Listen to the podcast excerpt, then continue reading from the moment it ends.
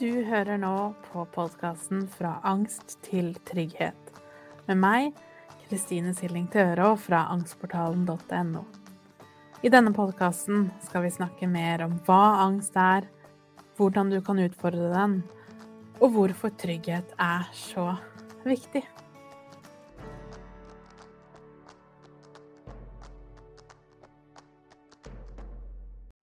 Hei og velkommen til episode 55. Og i dag så har jeg en liten smakebit til deg. For som du kanskje vet, så er det nå mulig å forhåndsbestille boken min via Nordli. Og i den forbindelse så har jeg fått litt sånn spørsmål rundt hvem passer boken for, osv. Så, videre. så det jeg tenkte å gjøre i de tre neste episodene, det er å lese et utdrag for deg i hver episode til hver av de tre fasene. For boka er bygd opp på samme måten som Angstportalen er bygd opp, hvor vi har de tre angstfasene. Så vi har akuttfasen når alt er kaos. Vi har bearbeidingsfasen når vi er klar til å begynne å møte og bearbeide følelsene våre, tankene våre, eksponere oss etter hvert. Og så har vi vedlikeholdsfasen, som er den fasen hvor vi har flere gode dager enn dårlige dager. Hvor fokuset er å hjelpe oss til å bearbeide det vi opplever her og nå, for å unngå at angsten stadig kommer tilbake.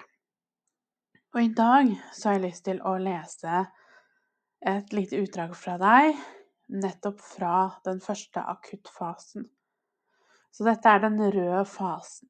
Så som sagt, når alt er kaos. Så det jeg nå kommer til å lese, det er starten på denne fasen. Og jeg forklarer litt om hva denne fasen egentlig går ut på, og hva du kan forvente deg av symptomer osv. Så, videre. så jeg starter. Den, dette avsnittet heter 'Midt i stormen'. Akuttfasen er utvilsomt den mest krevende delen av angstmestringsprosessen. Det er fordi angsten i denne fasen skaper et enormt indre kaos som gjør at du konstant er utslitt og redd. Enten dette er første gangen du opplever angst, eller den har blomstret opp igjen etter en bedre periode, så oppleves akuttfasen like kaotisk hver gang. Derfor har denne episoden, denne fasen, fått fargen rød. På samme måte som rødt lys i trafikken signaliserer at du skal stoppe opp, så betyr akuttfasen akkurat det samme, nemlig stopp. Det er vanlig å oppleve at symptomene du har, ikke gir mening, og at du føler det ikke ligner på hvordan andre beskriver sin angst. Kanskje du hører andre snakke om hjertebank, mens angsten for deg kommer mer som intenst tankekjør. Eller kanskje du opplever at alle snakker om angsten for å kjøre bil eller gå på butikken, mens din angst handler mer om å ikke finne ro hjemme i ditt eget hus, og at du finner tryggheten kanskje heller ute blant folk.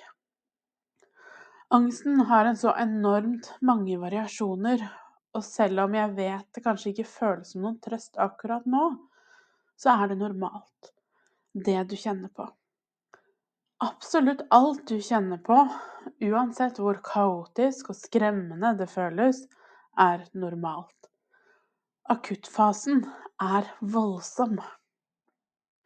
Noen av symptomene som kjennetegner akuttfasen, er søvnvansker, indre uro, intens tankekjør følelsen av å ha gråten i halsen hele tiden, fysiske angstsymptomer som ikke går over, intenst frykt for at det ikke gir seg, skam over å ikke få til det du fikk til før, følelsen av å ha en helt spesiell angst som er annerledes enn alle andres angst, følelsen av at ingenting noen gang vil kunne hjelpe deg, irritasjon, reaktivitet. At du plutselig reagerer kraftig på ting som vanligvis ikke ville betydd noe for deg. Hverdagslige gjøremål blir vanskelige, som å ta oppvasken, dusje og stå opp. Slitenhet som ikke går over når du hviler. Disse kraftige og hemmende symptomene gjør at vi naturlig nok blir lite mottagelige for behandling i akuttfasen. Vi har rett og slett ikke roen i oss. Alt handler om å overleve fra den ene dagen til den andre. I denne perioden verken skal eller bør vi presse oss selv ut i angstfylte situasjoner. Kaoset og styrken av angsten påvirker hukommelsen vår. Så vi glemmer fort og kan gjøre underlige ting, som å legge nøklene fra oss i kjøleskapet eller glemme å ta på oss sko. Det som egentlig skjer i kulissene i akuttfasen, er at kroppen din er i konstant beredskap. Den, den befinner seg i en vedvarende kamp-flukt-reaksjon, og gjerne altså ikke hele tiden på utkikk etter potensielle farer. Hva som helst kan skje når som helst. Med alt som skjer i hjernen og kroppen i akuttfasen, har vi ikke rom for å lære nye ting eller utvikle oss. Derfor er det så viktig at fokuset ikke skal være på å bekjempe eller utfordre angsten akkurat nå. Det har bare motsatt effekt. Angsten intensiveres, for du er ikke klar. Og i denne fasen så skal vi derfor kun snakke om trygghet og førstehjelp. Hva du kan gjøre her og nå for å trygge deg selv, og hva du kan øve på for å få noen lommer med indre trygghet og ro.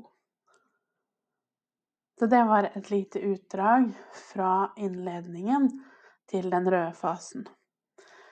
Så det du vil lære mer av, som du skjønner, er nettopp hvordan finne trygghet, og hvordan jobbe med den indre roen.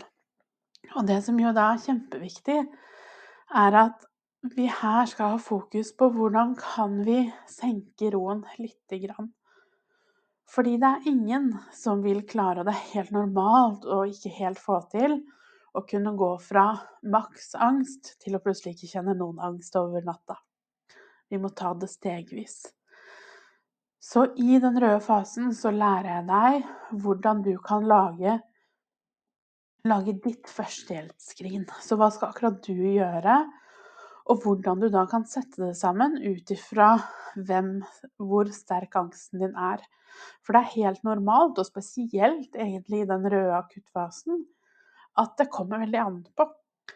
At du kanskje fra dag til dag, og til og med kanskje til og med fra time til time, så vil angsten endre seg.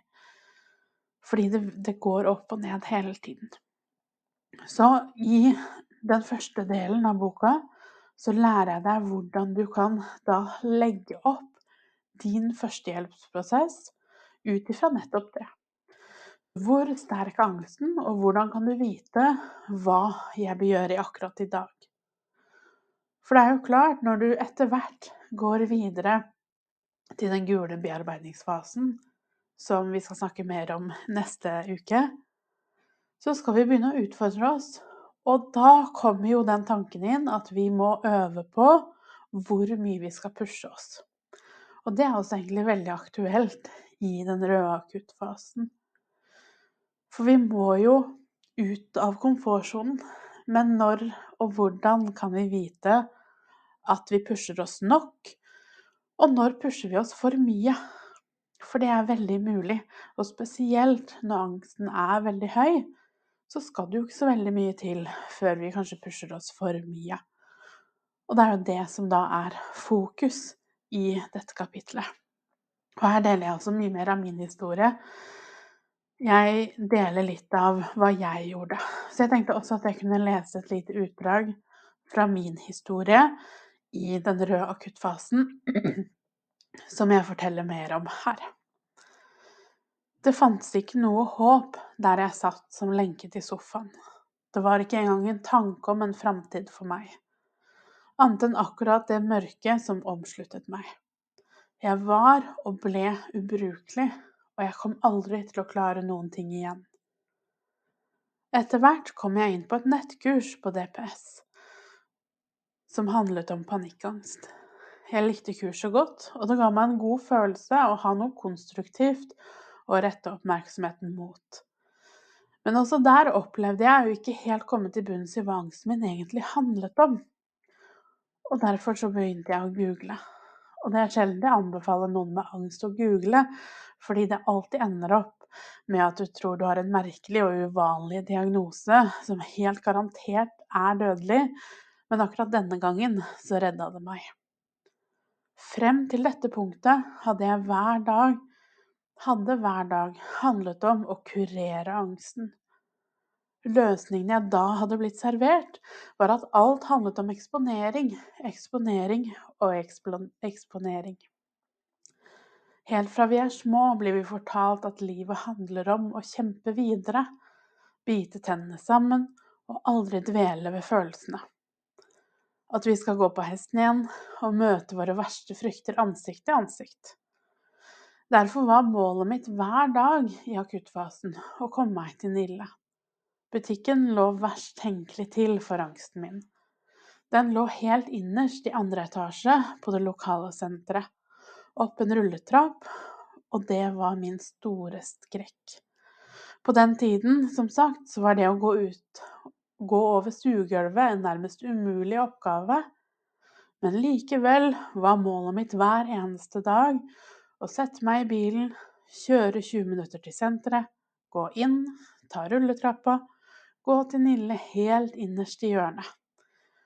Jeg måtte presse meg selv, eksponere meg selv for min største frykt, for det hadde jeg lest at angsten Da hadde jeg lest at angsten ville fordufte. Og selvfølgelig feilet jeg hver eneste dag. Hver dag følte jeg meg som verdens mest håpløse menneske. Totalt mislykka, en vandrende katastrofe. Jeg klarte ikke engang å gå på butikken, og jeg fikk det trykt opp i ansiktet daglig. Noe som er så selvsagt for alle andre, var så uoverkommelig for meg. Selvfølelsene dalte sammen, sammen med håpet om noen gang å få det bedre. Og videre så forteller jeg om hva jeg da gjorde for å snu alt det her.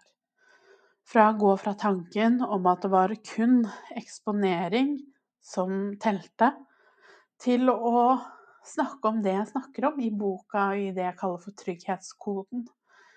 Det å møte deg selv med trygghet og ta ting stegvis.